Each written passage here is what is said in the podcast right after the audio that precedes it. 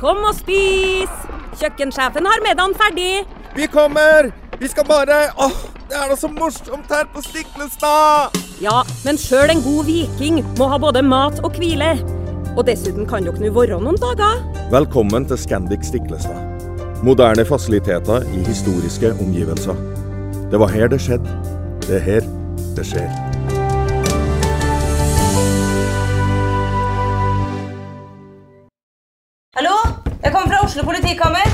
Ine Jansen er purk. Er du purk? The motherfucking bitch. Alt jeg vil, er å finne ut hva som skjedde med mannen min. Jon Carew. Er jeg sikta for noe? Iben Akeli. Det er du.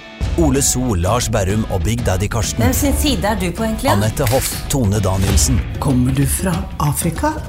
Jørnis Josef, Nesten. Kløfta. Trond Espen Seim, Det er synd å si det, men det var feil mann som døde. Purk. Premiere tirsdag på TV2 Play.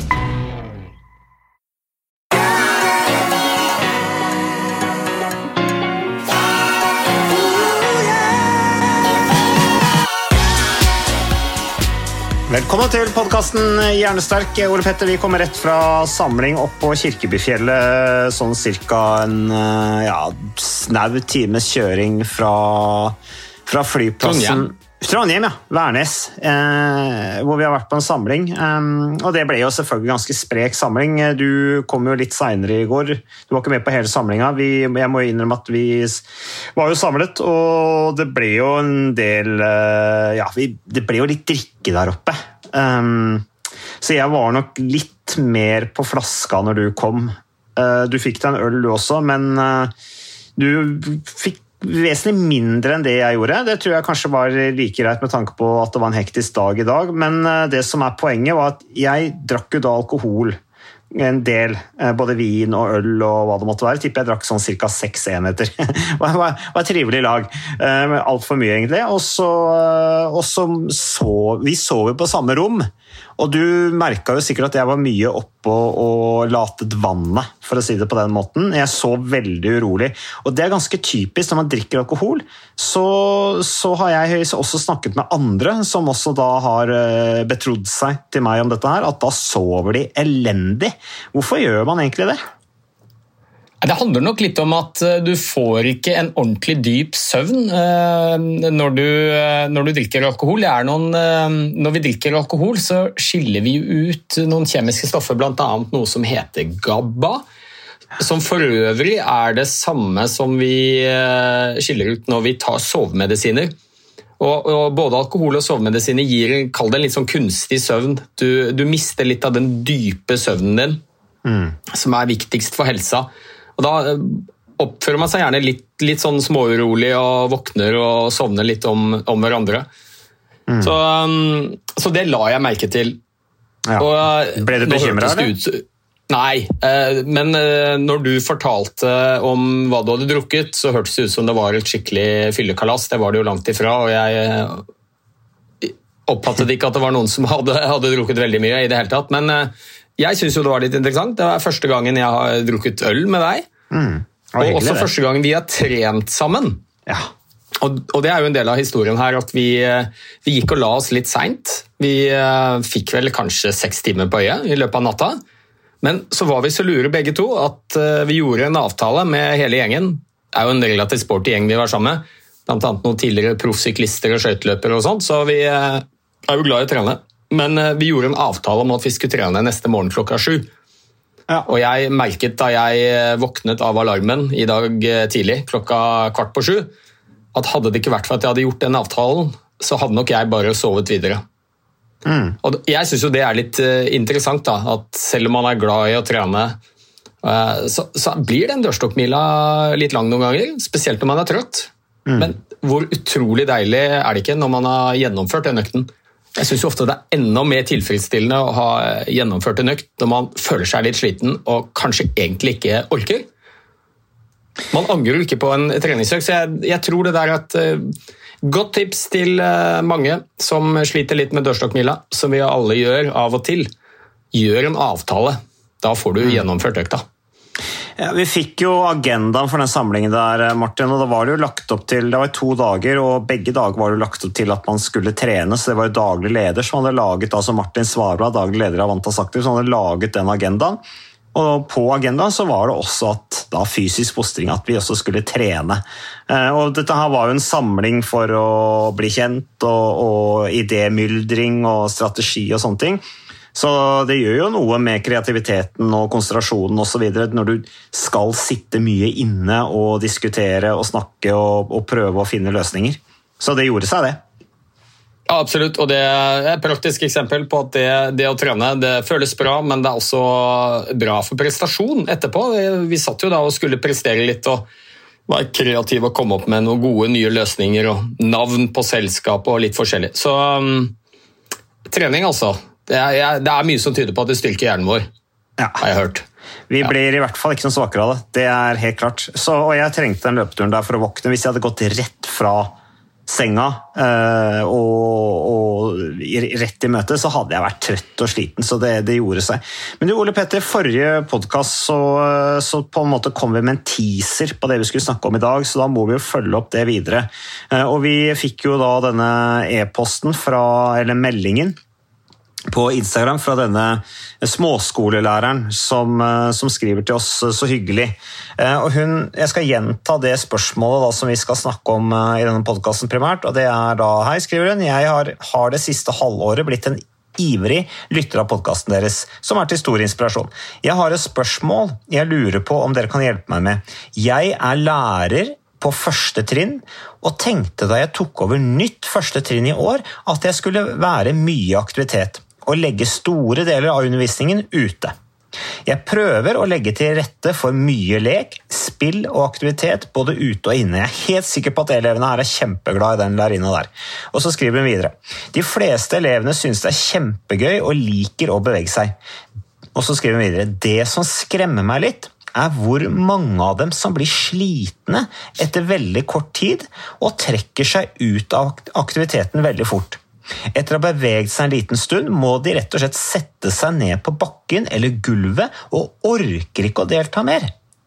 Jeg tenker i utgangspunktet at dette bare er enda en motivator til å fortsette med bevegelse, og så skriver hun parentes, fordi de har jo opplagt behov for det. Og så skriver hun videre, men jeg er redd det, det, lille jeg holder dem i aktivitet, ikke er nok hvis de sitter mye stille hjemme. Spørsmålstegn. Er det realistisk å tenke at jeg kan få dem i bedre form ved å holde dem i aktivitet i løpet av skoledagen? Vil det bli bedre på sikt hvis jeg fortsetter å holde dem i aktivitet? Spørsmålstegn. Og så skriver hun til avslutning og er barn mer bedagelig anlagt i dag enn de var før? Synes det er utrolig trist hvis jeg må legge lista lavere fordi barnet er sliten allerede etter en kort dans. Tar gjerne imot tips. Dere er supre. Hilsen inspirert småskolelærer. Hva tenker du om dette her, Ole Petter? Vi har jo snakket litt om det eh, tidligere. Ehm, dette med ordet 'sliten' har vi snakket om, men vi har vel kanskje snakket primært om det i forbindelse med at voksne kanskje bruker ordet 'sliten' veldig mye, eller unge voksne bruker det veldig mye. Og så har vi også snakket litt om barn og fysisk form. Vi snakket i en av de første episodene vi hadde om dette med eh, faren ved eh, da aktivitetstilbudet man har inne gjennom skjerm osv. Men hva tenker du om dette spørsmålet her fra vår kjære småskolelærer? Som er opplevd veldig flink altså, til å tenke dette å ta med barna ut osv. Ja, jeg tenker aller først hipp hipp hurra. Og um, jeg skulle ønske at min uh, snart seksåring som skal begynne på skolen til høsten, kunne fått denne småskolelæreren som sin eh, kontaktlærer. Og um, litt for å svare på spørsmålet så Det første hun spør om, er jo om det er realistisk å tenke at hun kan få dem i bedre form ved å holde dem aktive i løpet av skoledagen. Og Da vil jeg jo svare ja, et rungende ja. Jeg tipper at du allerede har fått dem i bedre form. Mm. Eh, og jeg syns dette er helt fantastisk, og vi har mye dokumentasjon på at eh, barn i skolen kanskje egentlig gjennom alle alderstrinn sitter mye stille i løpet av skoledagen, og det, det, er ikke bra eller naturlig eh, for kroppene deres. Verken fysisk helse eller mental helse. Så dette syns jeg er helt strålende. Mm. Og um, jo mer du holder på med dette, jo bedre form vil de bli. Og det, også, det er også positivt for læringen og, og mestringsfølelse, trivsel på skolen Vi ser at det generelt sett fører til mindre mobbing, bedre klassemiljø. Så jeg kan ikke tenke meg noe mer positivt for barna enn det hun gjør. Og Nå sier hun ikke så veldig mye om det, men jeg kan ikke tenke meg noe annet enn at barna elsker dette også. Mm. Det er jo helt naturlig for barn å være i bevegelse. Og det er klart det er morsommere å lære mens du er i bevegelse, enn å sitte stille. Så dette syns jeg virkelig hun skal fortsette med. Ja. Og Så spør hun jo også om barn er mer bedagelig anlagt i dag enn hva de var før. Og Det tror jeg er ganske ukontroversielt å si at svaret er ja. Mm. Vi mangler dessverre veldig gode data på det, og det er fordi at uh, tidligere så målte vi fysisk aktivitetsnivå ved egenrapportering. Og For de minste barna så var jo det da foreldrene som rapporterte hvor mye de beveget seg. Mm. Og I dag så bruker vi objektive målinger med sånne små akselerometer eller aktivitetsmålere. Eh, og Det er litt vanskelig å sammenligne de to målingene, fordi vi, vi vet veldig godt at vi overrapporterer når vi egenrapporterer. Da. Altså, da overvurderer vi hvor mye barna beveger seg. Mm. Men um, ja, og, og, vi ser jo også Det vi har veldig objektive mål på, da, det er jo um, fysisk form, altså oksygenopptak. Og Der ser vi at det, det har vært synkende for barna. Altså, de har dårligere kondisjon i dag enn de hadde for en del tiår siden. Mm. Og de har også økt vekt. og det er klart at Dette henger sammen med selvfølgelig ikke bare fysisk aktivitetsnivå, men det, det er en viktig del av det. Så, så jeg syns absolutt ikke at hun skal eh, bekymre seg eh, for at dette ikke hjelper. Dette monner virkelig. Mm.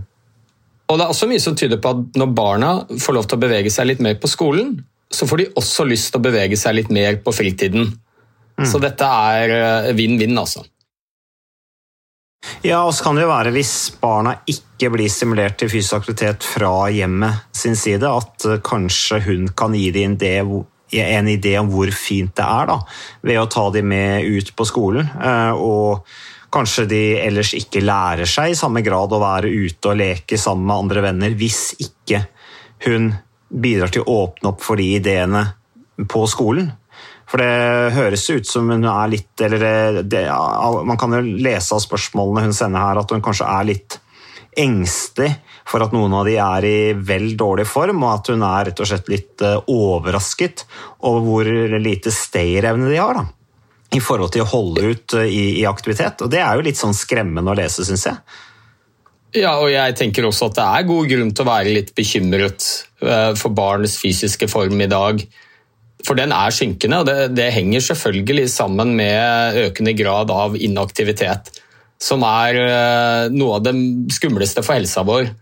Og selvfølgelig Når du er et lite barn, om du går i første eller annen klasse, så vil du ikke ha noen umiddelbare konsekvenser av at du er inaktiv. Altså det, barna er jo friske allikevel, men uh, når du blir litt eldre, uh, så vil den inaktiviteten som kanskje starter i barndommen, den vil for det første gjøre at det er mer sannsynlig at du er inaktiv når du blir voksen. Og når du blir voksen og er inaktiv, så, så, påvirker det en rekke risikofaktorer for å bli syk senere i livet. Blodsukkerregulering, kolesterol, blodtrykk osv. Og det at barna kanskje beveger seg litt lite hjemme, som mange barn gjør, sitter mye stille hjemme også, spiller f.eks., mm. så er jo ikke det noe argument for å ikke få mer bevegelse inn i skolen. Kanskje heller tvert imot. Jeg syns det er litt artig. Eh, vi begynte jo å snakke om denne sendinga her, eh, Ole Petter, eh, eller denne episoden her, ved at vi kom inn på denne samlingen vi var på, som jo var jobbrelatert, og at vi da har daglig leder i Avantas Aktiv, som da hadde satt opp trening som obligatorisk del av den jobbsamlingen. Og her så leser vi jo dette spørsmålet fra småskolelæreren viser jo at hun er en lærer og en, på en måte en leder, hun også, som er opptatt av helhet. Eh, og at hun forstår gevinsten av fysisk aktivitet i forhold til dette med konsentrasjon. Og at hun forstår dette med læring gjennom motorikken. Og Du hadde jo et innlegg også på denne samlingen vi hadde, Ole Petter, hvor du snakket om dette her. Hvorfor har vi en hjerne? stilte du spørsmål til oss. Eh, og hva var svaret der? Altså Svaret der eneste grunn til at vi har en hjerne, er fordi at vi skal bevege oss. Så her er det jo Det der å lære seg motorikk er jo tydeligvis ganske nyttig da, for mennesket. Eh, menneskets utvikling. Ja, og dette hørtes ut som et sånn tullete spørsmål, men det var rett og slett eh, det var seriøst. Sånn Evolusjonsmessig så tror vi at den viktigste grunnen til at vi mennesker har utviklet en hjerne gjennom evolusjonen, det er rett og slett for å skape bevegelse. Og så er det kanskje noen som tenker at selvfølgelig må vi ha en hjerne. Eh, det har jo alle, alle, dyr, men nei, det er faktisk ikke sånn. Det er en del dyr som ikke har noe sentralnervesystem. Glassmaneten, brønnmaneten, eh, planter og trær og levende organismer de har ikke noe hjerne. Men evolusjonsbiologer eh, tror faktisk det, at det er den viktigste grunnen til at vi har en hjerne, det er å skape bevegelse. Så så viktig er bevegelse for oss mennesker at vi har fått utviklet et eget organ, til og med kroppens viktigste organ, til å stå for den oppgaven. Så, men jeg, jeg, tenkte jeg hadde lyst til å gi et tips, jeg. For hun spør og tar gjerne imot tips. Og nå har vi vel støttet henne veldig tydelig på at det hun holder på med, det syns vi er helt fantastisk. Og jeg skulle ønske flere gjorde det. Og er det noen som jobber i skolen og som har lyst til å gjøre det samme, men føler kanskje at de mangler litt verktøy, og hvordan skal de organisere dette i praksis osv., så, videre, så har jeg lyst til å anbefale en database som eh, heter Askbasen. .no, og Det mm, springer ut fra Sogndal, hvor eh, Norges fremste fagpersoner når det gjelder fysisk aktivitet i skolen, jobber. Og der har de ASK står for Active Smarter Kids. Så askbasen.no, der finner du en verktøykasse med helt praktiske øvelser som du kan bruke i skolehverdagen din hvis du jobber i skolen. Mm. Og Det er alt fra første klasse til tiende klasse, tror jeg, hvis jeg ikke husker feil.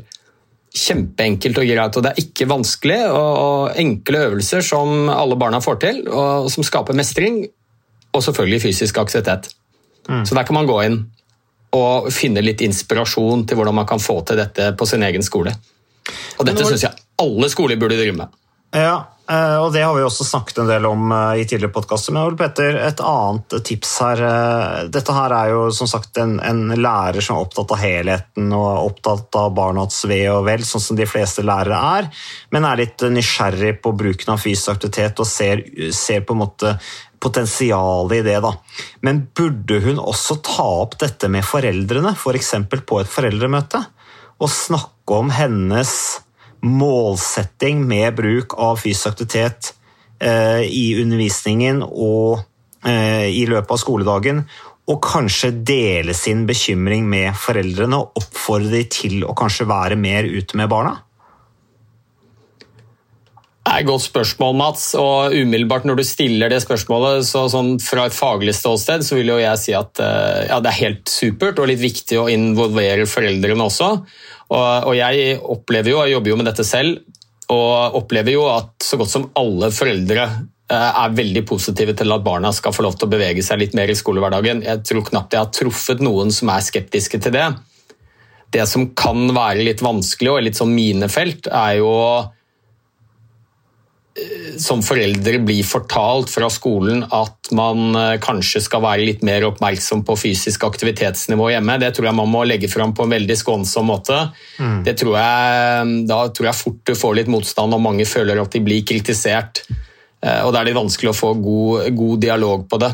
Men, eh, så jeg tror vel kanskje jeg ville startet med å informere litt om og det er supert å involvere foreldrene, altså. absolutt. Eh, og jeg tror kanskje ikke at man behøver å rette så mye pekefinger mot eh, foreldrene heller. Jeg tror de fleste gjør så godt de kan, men eh, det kan være tricky å få til i en travel hverdag og barn som har litt andre interesser enn det vi hadde da vi var unge, fordi de har en del hjelpemidler og verktøy som ikke vi hadde, med spill og skjermer og alt mulig sånt. Mm. Så, så, jeg tror først og fremst jeg ville fokusert på formidle hva de gjør på skolen, og det tror jeg de aller fleste. Ukas annonsør det er uh, HelloFresh. Og uh, hvis du nå går inn på hellofresh.no og bruker koden 'fresh hjerne', så kan du få opptil 1779 kroner rabatt på da de fem første matkassene dine hvis du ikke har prøvd Hello Fresh enda. Og Ole Petter, vi er jo glad i Hello Fresh i podkasten Jernsterk, selvfølgelig fordi at de er en annonsør. De er med og bidrar til å spre det glade ordet om fysisk aktivitet og god helse, men i tillegg så har jo vi også nå lang erfaring med Hello Fresh eh, selv. Så vi må jo si at det har vært gode erfaringer til nå. Ja, absolutt. Visste du Mats, at HelloFresh er faktisk verdens ledende matkasseleverandør? Og Tilbudene til HelloFresh gjør det enkelt å lage gode og varierte retter som skaper matglede. Og matglede vet du, det er like viktig som hva du putter i munnen. Det å spise mat med folk du trives med. Så gjennom 25 nye og inspirerende retter hver uke så bidrar HelloFresh til dette. Du kan bestille ekstra porsjoner om du får gjester, eller hoppe over uke hvis du f.eks. skal bort. Og Det er ingen bindingstid, og du velger leveringstidspunkt og dag selv, så leverer HelloFresh matkassen din akkurat når det passer deg. Ikke dårlig, Mats. Nei, det er veldig bra. Så, øh, og dette er med enklere hverdag, det kan jeg nå skrive under på. For nå, forrige erfaring vi hadde forrige uke, Ole Petter, det synes jeg var Det var jo et gjennombrudd øh, for familien Kaggestad. For da lagde rett og slett barna De lagde middag og serverte middagen, så den var ferdig laget og servert da når eh, min kone Marita og meg kom hjem fra jobb.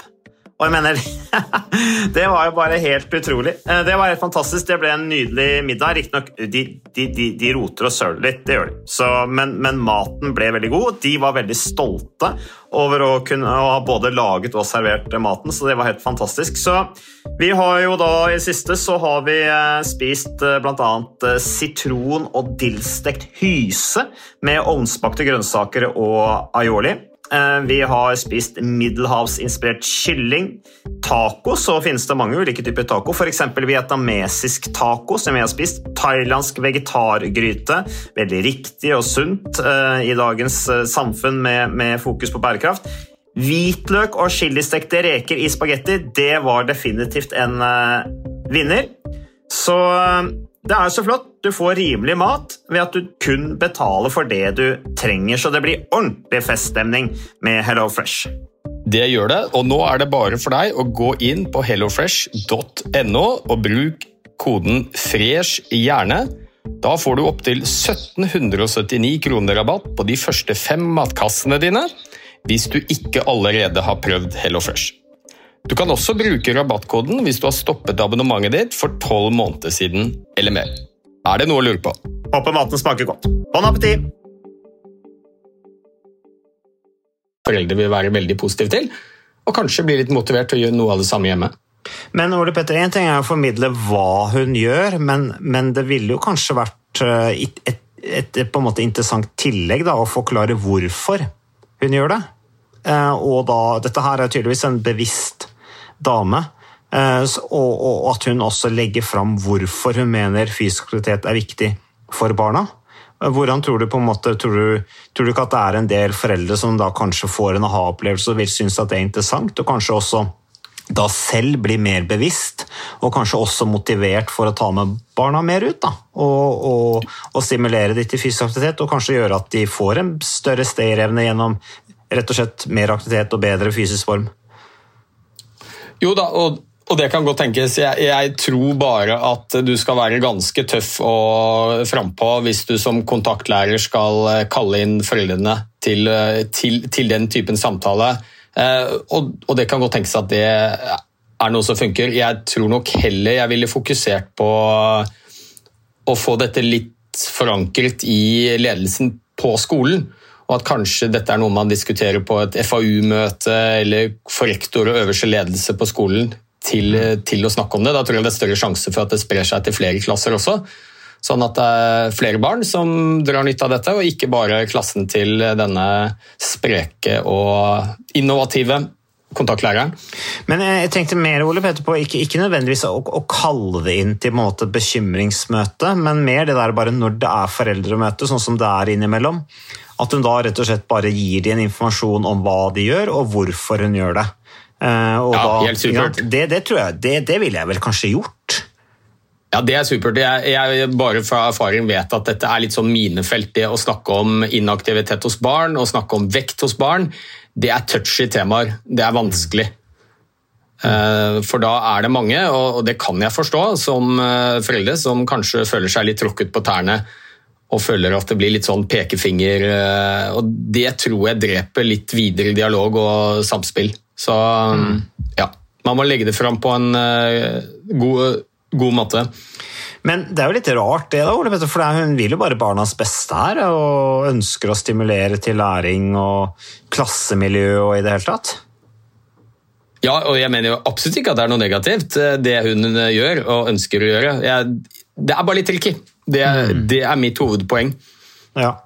ja, ja. Uansett, vi har kommet med noen tips, eh, og vi heier veldig på, på denne lærerinnen. Um, flott innsats er vel det vi rett og slett kan konkludere med.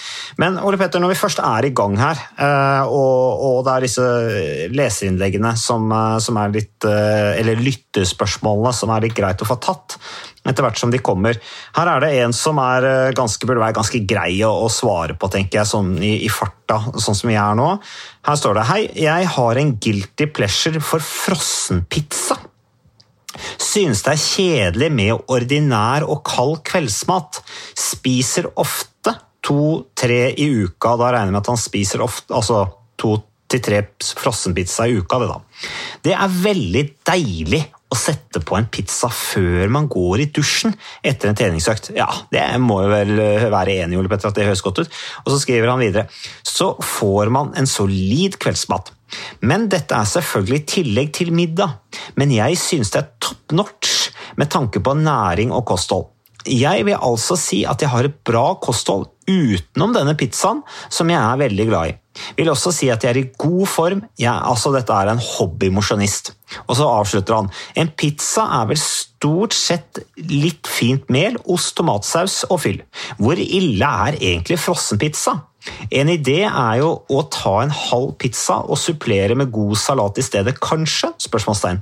Eventuelt tips til god salat med eh, noen form for saus, dressing, pesto f.eks., eh, sennep, eh, eple, sider, eddik eh, osv. Hva bruker dere? Spørsmåls, spørsmålstegn. Hilsen Lars.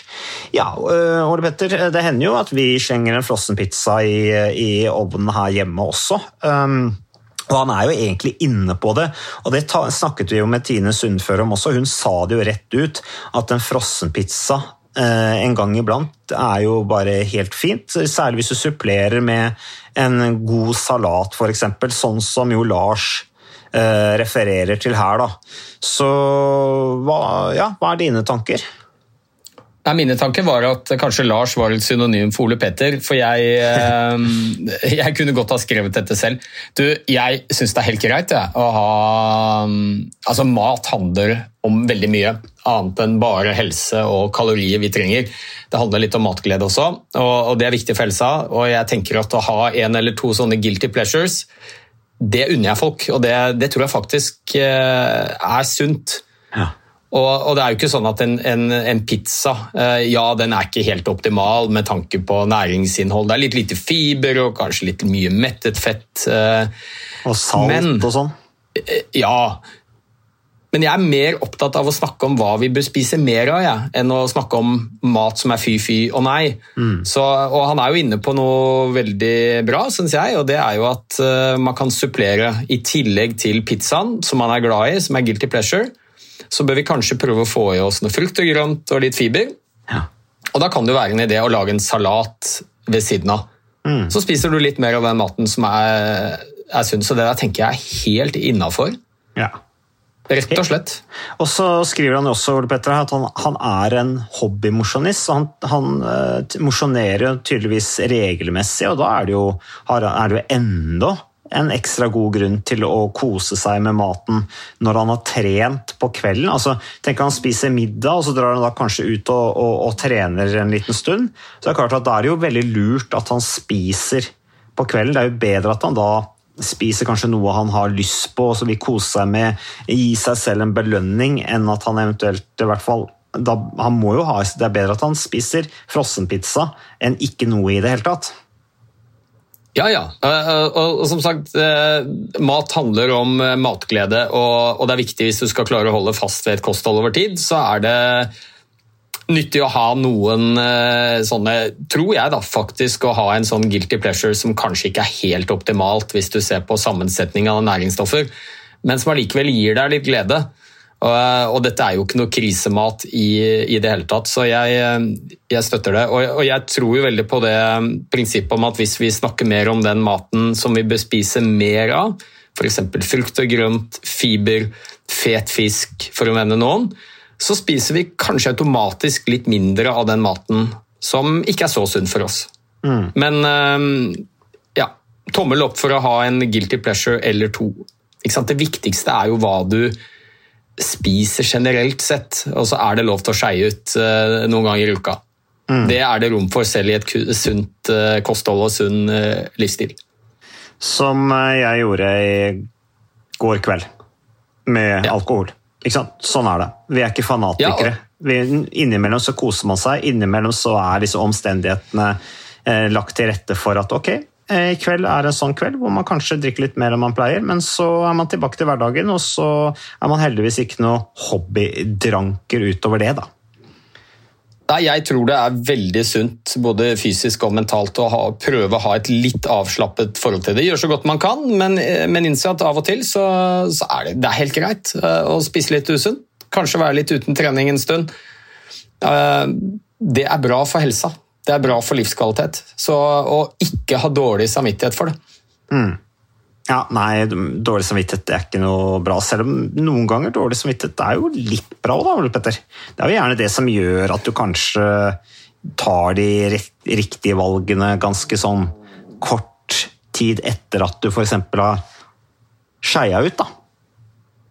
Ja, det er, det er som så veldig mye annet. Litt er ok, men det kan fort bli, bli litt for mye hvis den dårlige samvitten, samvittigheten din går utover livskvalitet og ja, rett og slett plager deg i hverdagen. Så, Skam så- er ikke noe vits. Nei, det, det er det ikke verdt. Nei. Nei, men du, Ole Petter, vet du at Dette synes jeg ble en veldig sånn hyggelig kveldsprat. Men uh, du vil som vanlig avslutte med et eller annet godt poeng. Hva er det? Jo, det var egentlig noe du kom inn på som jeg ikke fulgte opp, og det var til den første leserspørsmålet fra vår ivrige småskolelærer, hvor hun sa det at barna ble så slitne. Ja. Og da kan jeg ikke dy meg, for jeg har litt lyst til å plukke det opp igjen, for det snakket vi litt om. Dette med bruken av ordet sliten, Ja. som jeg opplever at det har gått veldig inflasjon i. ja. Og, og jeg har jobbet som fastlege i nesten 20 år, og for ti år siden jeg traff knapt noen jeg, av mine pasienter som snakket om at de var slitne. Altså Den gangen så var det å være sliten det var en naturlig del av livet. Og så opplever jeg at dagens sliten er noe annet enn gårsdagens sliten. Ja.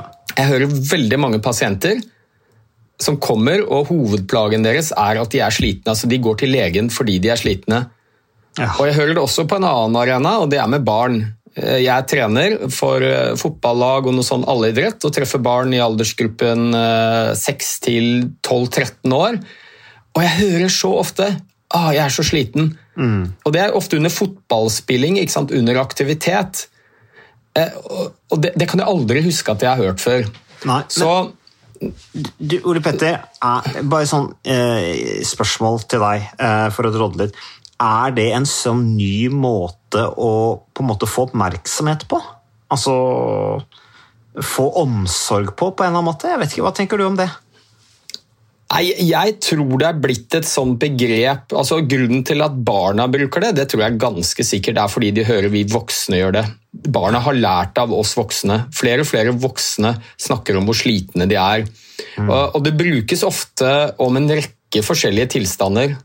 Eh, For meg som er fastlege, så prøver jeg gjerne å komme litt til bunns i hva er det som er årsaken til at de er slitne. Fordi det å være sliten er jo ikke noe sykdomsdiagnose. Og når det brukes om så veldig mye forskjellig, så er det jo vanskelig å for det første finne årsaken til hvorfor de føler seg slitne. Og ikke minst er det vanskelig å finne en løsning på hva man skal gjøre for noe. Så, så, og ofte så viser det seg at det pasientene beskriver som slitenhet, det handler om ofte en del andre ting. F.eks. det vi tidligere kalte trøtt. Eh, har du sovet for lite, så kan det være at du er trøtt.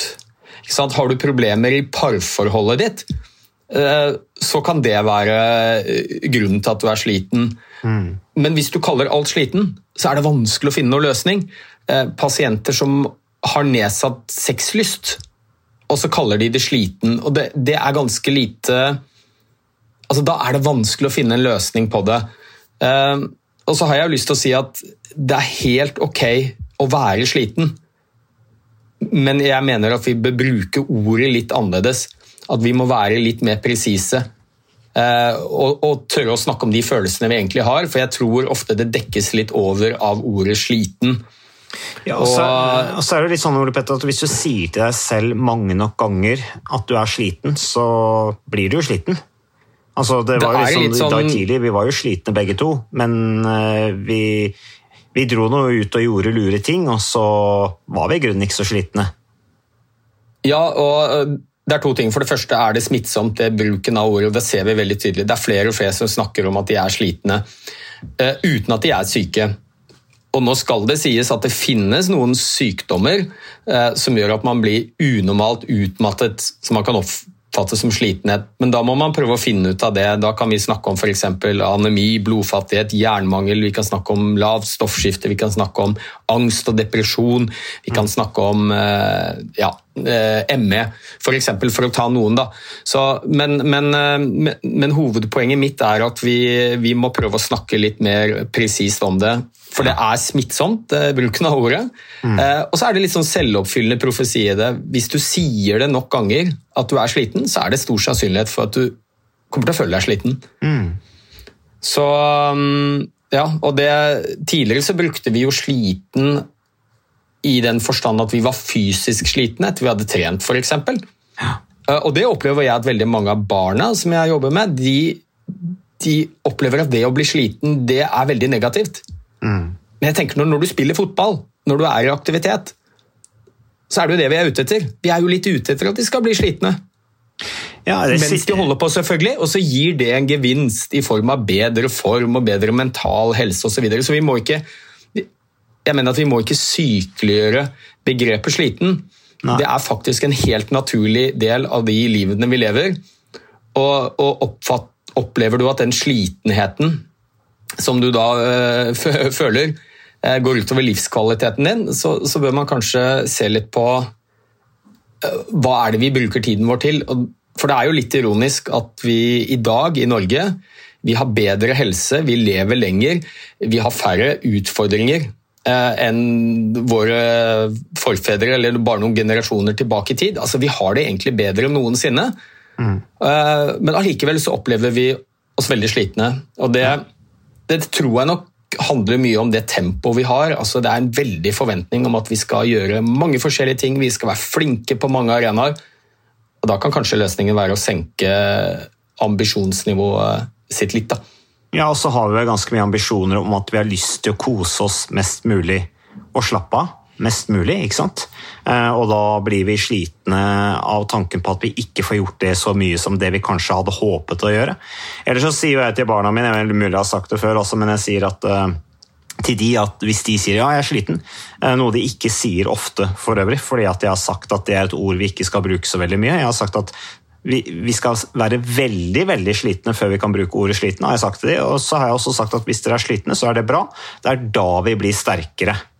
Eh, Og det er jo gjerne litt sånn det er eh, når vi er i tøffe tider og vi virkelig må krumme nakken.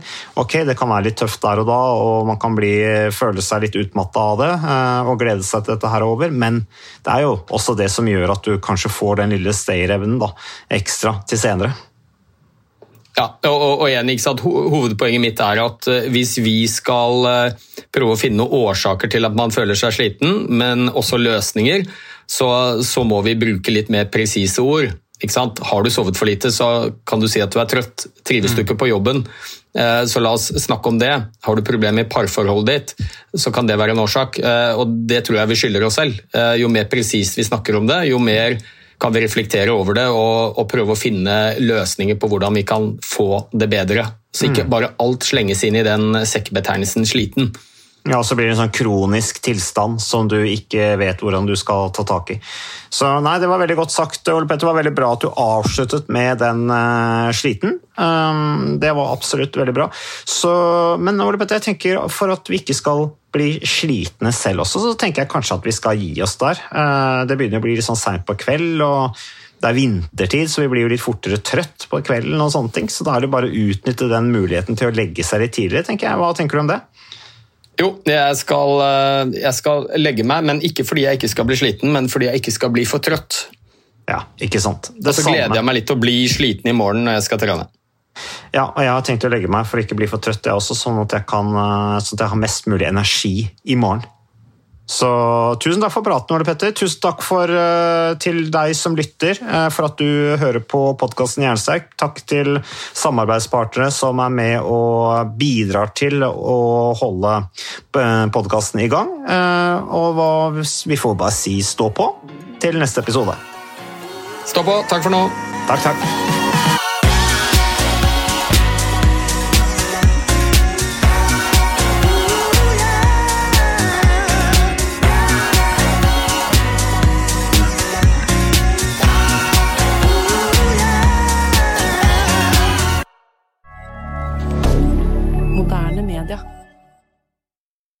Har du et enkeltpersonforetak eller en liten bedrift? Da er du sikkert lei av å høre meg snakke om hvor enkelt det er med kvitteringer og bilag i fiken, så vi eh, gir oss her, vi. Fordi vi liker enkelt. Fiken superenkelt regnskap.